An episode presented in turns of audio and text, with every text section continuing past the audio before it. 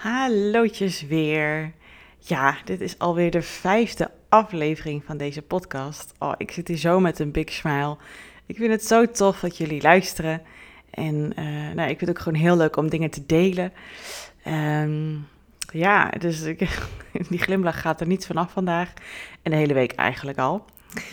Uh, en deze aflevering wilde ik het graag gaan hebben over iets wat ik heel vaak merk dat mensen vergeten of along the way uh, ja, niet meer zo uh, bewust van zijn. En daar werd ik vooral door mee nou, geïnspireerd, geconfronteerd door um, de studenten van de universiteit, waar ik vanaf deze week weer heel leuk workshops aan mag geven.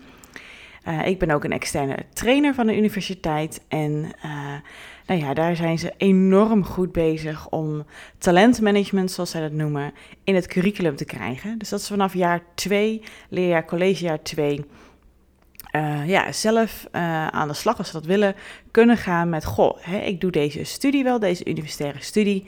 Maar wat wil ik eigenlijk graag verder mee? Welke keuzes kan ik hier nog in maken? En hoe kan ik die zo maken zodat die voor mij uh, goed voelen in de richting waar ik heen wil? En uh, ja, iedere keer valt me dan altijd wel wat interessants op. Want dan, uh, dan heb je er altijd natuurlijk heel veel interactieve opdrachten. Gaan ze lekker samenwerken. Want door samen te werken leer je veel over jezelf. Hè? Omdat je ook van andere mensen input krijgt. Kan je bij jezelf denken: hé, hey, maar wat diegene zegt, dat heb ik weer anders. Of zo voel ik het niet, of zo voel ik het wel. En zo leer je ook over jezelf, juist. Um, en dan vraag ik ook: wat willen jullie uit deze workshop halen? Uh, en dan is dat wel interessant. Ze hebben het ook heel vaak over ja, waar liggen nu mijn sterke punten en wat zijn mijn valkuilen en welke richting wil ik opgaan. En ook heel vaak de vraag, wat zijn de opties voor mij? En ik vind het altijd wel heel ja, boeiend om te merken hoe zij daarnaar kijken. Hè? Dat het vaak is van, oké, daar ergens uh, in de arbeidsmarktland of, of, of nou ja, studieloopbaanland zijn er allerlei opties qua keuzevakken, minoren, masters, traineeships, eerste banen, verdere stappen in je loopbaan. En welke daarvan horen bij mij? Zo, zo denk ik dat ze het in ieder geval, zo komt het op mij over dat ze het overbrengen. Uh, en dat is natuurlijk eigenlijk wat ik met de workshop juist wil omschiften. Hè? Dat ze vooral vanuit zichzelf die keuzes leren maken. Van oké, niet denken vanuit het aanbod van alle opties die er zijn, want die overwelmen je gewoon. Daardoor zie je door de bomen echt het bos niet meer. Zoals die leuke spreekwoordelijk uh, altijd gezegd wordt. Maar ja, dat, dat zie ik heel vaak terug uh, niet alleen bij studenten die ik workshops geef, maar ook gewoon uiteraard in mijn individuele coaching. Um, ja, dat het juist gaat om, oké, wat heb jij uh, in huis allemaal? En daar bewust van te worden, dat vind ik al zo mooi. En vanuit daar te denken, oké, maar hoe zou jij het ideaalst willen? En nou ja, als het goed is, dat check ik altijd bij de studenten.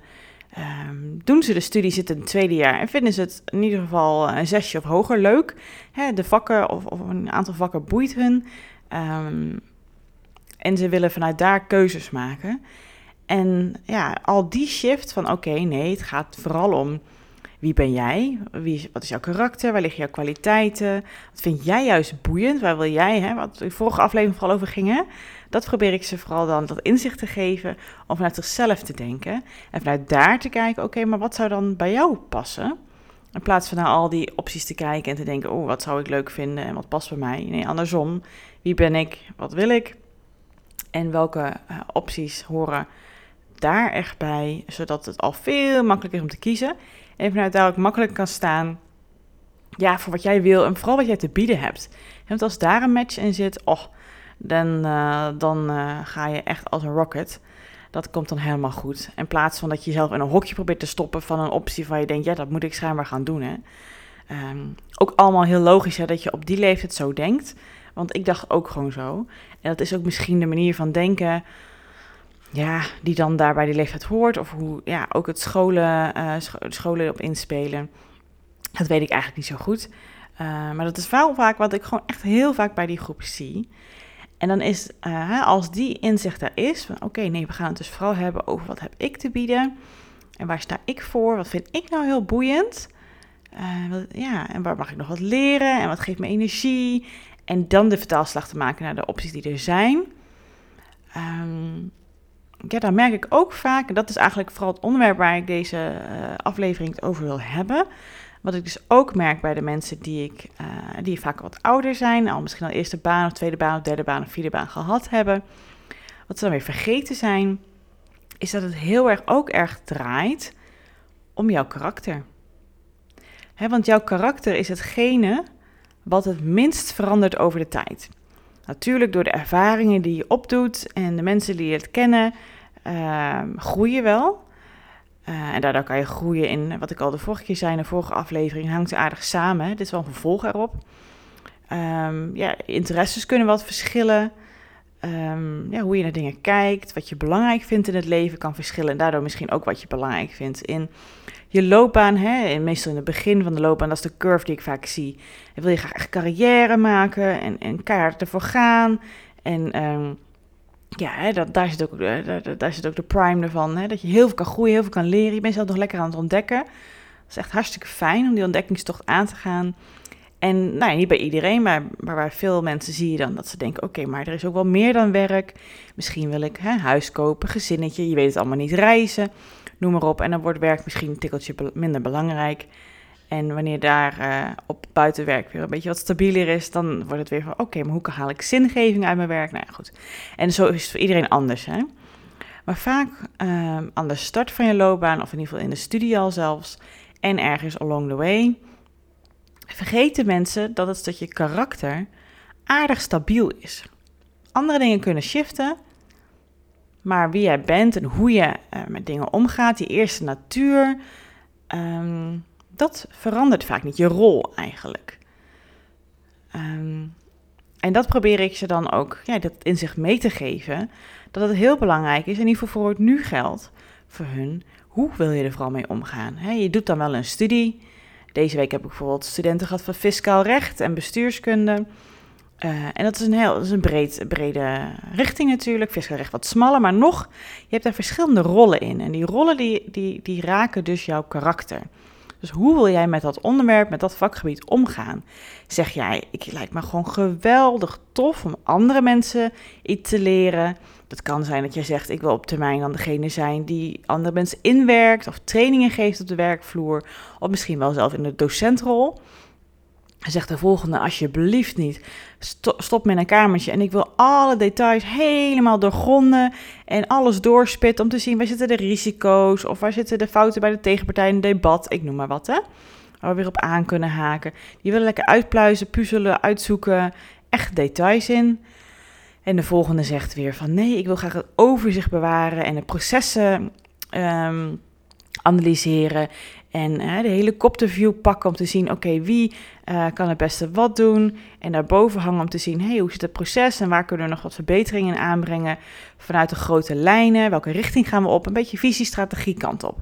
Nou, zo kan ik dus nog echt wel uh, meerdere richtingen noemen. Maar ik geef je zo even drie opties waar je aan kan denken om al te onderzoeken. En als je dat um, wat minder hebt gedaan aan het begin van je loopbaan, uh, en je weet natuurlijk aan het begin niet zo goed, hè, wat, welke rol is dat dan precies? Je hebt misschien een idee of een voorgevoel. Dat is echt iets wat je vooral alleen maar um, ontdekt door het in de praktijk te gaan doen en te gaan merken, hey, is het iets voor mij of niet?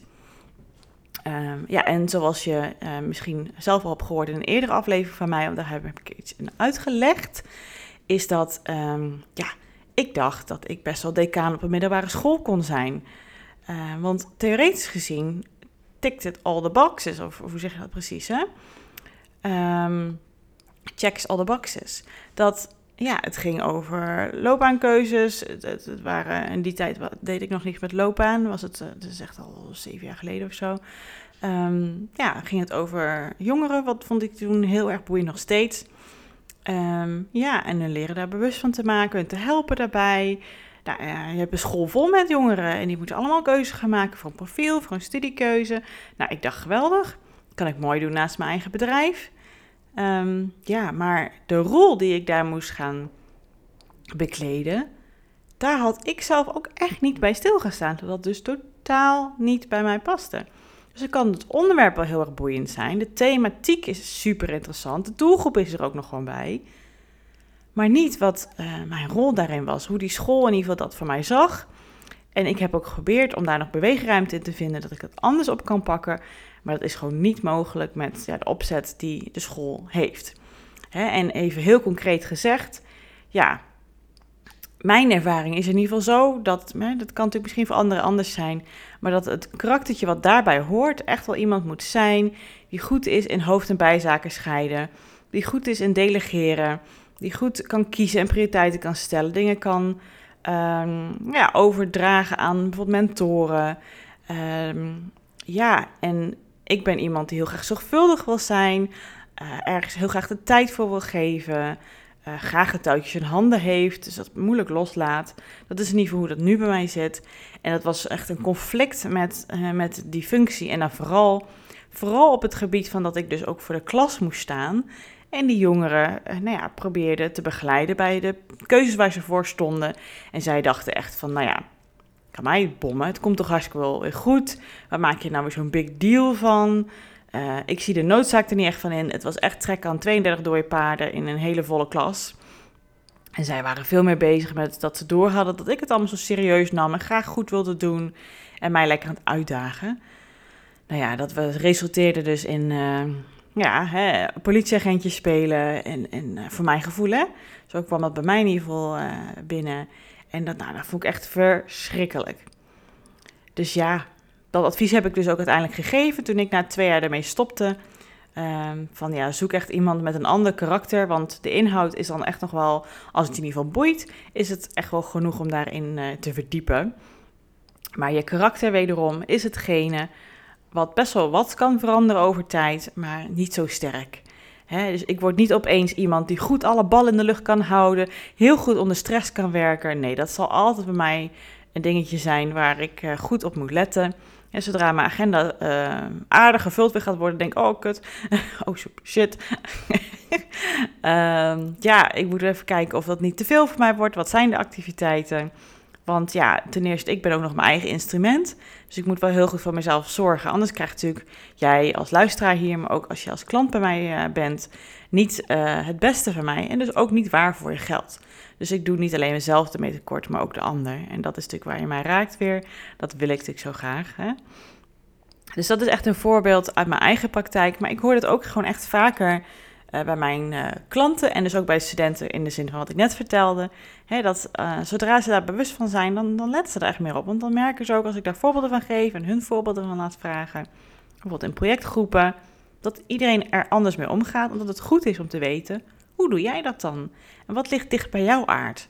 En als je daar probeert vanuit te gaan werken en keuzes te gaan maken, dan voelt het echt meer als flow en natuurlijk en minder echt als werken. Dat is natuurlijk wat je uiteindelijk wil, hè? Dat is natuurlijk unieke. En uh, ja, en ik had pas iemand in begeleiding, um, iemand die al meerdere banen had gehad. En die vond de inhoud van het werk nog steeds heel boeiend, maar zijn rol paste gewoon niet meer. Dat was uiteindelijk dus ook echt de conclusie. En uh, ja, dat weet diegene dan niet van tevoren. Al iedere keer op een gegeven moment loopt het spaak. En dan na een paar jaar is het weer hop naar een andere baan. En dan komt daar weer eigenlijk vaak hetzelfde thema weer in terug. Maar daar ben je dan niet helemaal van bewust. Hè? Dat kan natuurlijk echt. Er zijn zoveel dingen in je leven waar je zo mee bezig kan zijn. Maar meestal pas als het echt gaat wringen, dan ga je er pas naar kijken. Um, en dat is supergoed als je dan inderdaad echt met iemand van buitenaf... of gewoon iemand in de omgeving die daarna kan, samen met je over kan hebben, die ook even die helikopterview kan hebben. En dat je dan eigenlijk bewust wordt van, oké, we hoeven niet een hele carrière switch te gaan eh, ondernemen. Vaak is dat helemaal niet nodig. Uh, je hoeft niet een hele nieuwe studie te gaan doen, wat soms mensen wel eens denken. Hè? Van, goh, ik, ik doe dit werk, ik vind het niet meer leuk, ik haal er weinig, weinig energie uit. Ja, op zondagavond heb ik weinig zin in die maandag. Poeh, wat duurt het allemaal lang, die werkdag. Um, iedereen om me heen vindt het veel of sommigen om je heen, vinden het veel boeiender waar ze mee bezig zijn. Zitten lekker een tanden erin. En ik merk die, ja, die drive niet meer daarin. Dat je dan denkt, goh, moet ik echt totaal iets anders gaan doen? Ja, vroeger vond ik bloemschikken leuk. Laten we dat eens dan gaan onderzoeken. Ja, ik maak nou misschien even een hele platte voorbeeld. Maar uh, dat betekent niet dat je gelijk heel je loopbaan om moet gaan gooien om een bloemenzaak te beginnen. Kan best, als dat echt helemaal je passie is. Uh, het is goed om verder te kijken. Maar meestal liggen de antwoorden veel meer dichterbij dan jij denkt. En zit het er misschien in de rol die jij dus hebt? Hè? Dat je denkt, ja, nee, wat, wat mij echt triggert, dat kan ik nu niet meer doen, maar het onderwerp, als ik goed het onderzoek, ja, daar raak ik nog steeds wel gepassioneerd over. En dat is iets wat je ook gewoon met je leidinggevende kan bespreken om te zien van, hey, is er misschien een andere rol, andere soorten taken, andere ja, eh, manier van werken met hetzelfde doel in mind, maar wel dat ik er meer energie uit haal. Of is dat toch weer bij een andere werkgever waar andere missie, visie, cultuur eh, en sfeer hangt en dat de collega's ook anders zijn. Dat kan ook zeker. Dus vaak liggen de antwoorden dichter bij huis, maar vergeet je dat um, ja, omdat je het een beetje bent kwijtgeraakt. Wie ben jij als persoon? Wat heb jij als unieke persoontje echt te bieden? Waar word jij door getriggerd en op welke manier is dat dan? En dat kan dus nog steeds in hetzelfde vakgebied zijn, waardoor je karakter, uh, ja, ben je dat een beetje vergeten, je karaktertje, uh, en hoe je dat in je werk toch echt optimaal kan gebruiken. En dat is natuurlijk zonde. Dus daar uh, hoop ik je met deze podcast toch een beetje ja, over na aan het denken te hebben, te laten zetten. Uh, van hoe zit dat nu met mijn werk? Vind ik onderwerp nog heel boeiend. Dat kan je natuurlijk in de vorige podcast, de vorige aflevering van deze podcast wat verder uitzoeken. En is ook de manier waar ik ermee omga. De manier die voor mij heel goed voelt. Ja, denk daar eens over na. En ik ben enorm benieuwd, hè, want dat heb ik misschien eerder uh, uh, ook gezegd. Dat heb ik gezegd, maar dat wil ik graag wat vaker zeggen, dus dat doe ik dan ook nu. Als er dingen zijn wat je zegt, goh, dat heb ik uit deze aflevering gehaald, of ik heb wat toe te voegen, of wat je daar zei, dat zie ik toch echt heel anders. Of ik heb een eigen vraag, kan je dat misschien op reageren? Of ja, misschien door erop te reageren in een aflevering, kan je ook andere mensen er misschien uh, nou ja, uh, alert op maken. Ik hoor zo graag van jou, hè, want ik heb heel veel ideeën die ik graag met jou wil delen. Die haal ik ook heel graag uit de praktijk. Maar nog beter is als ik die van jou hoor.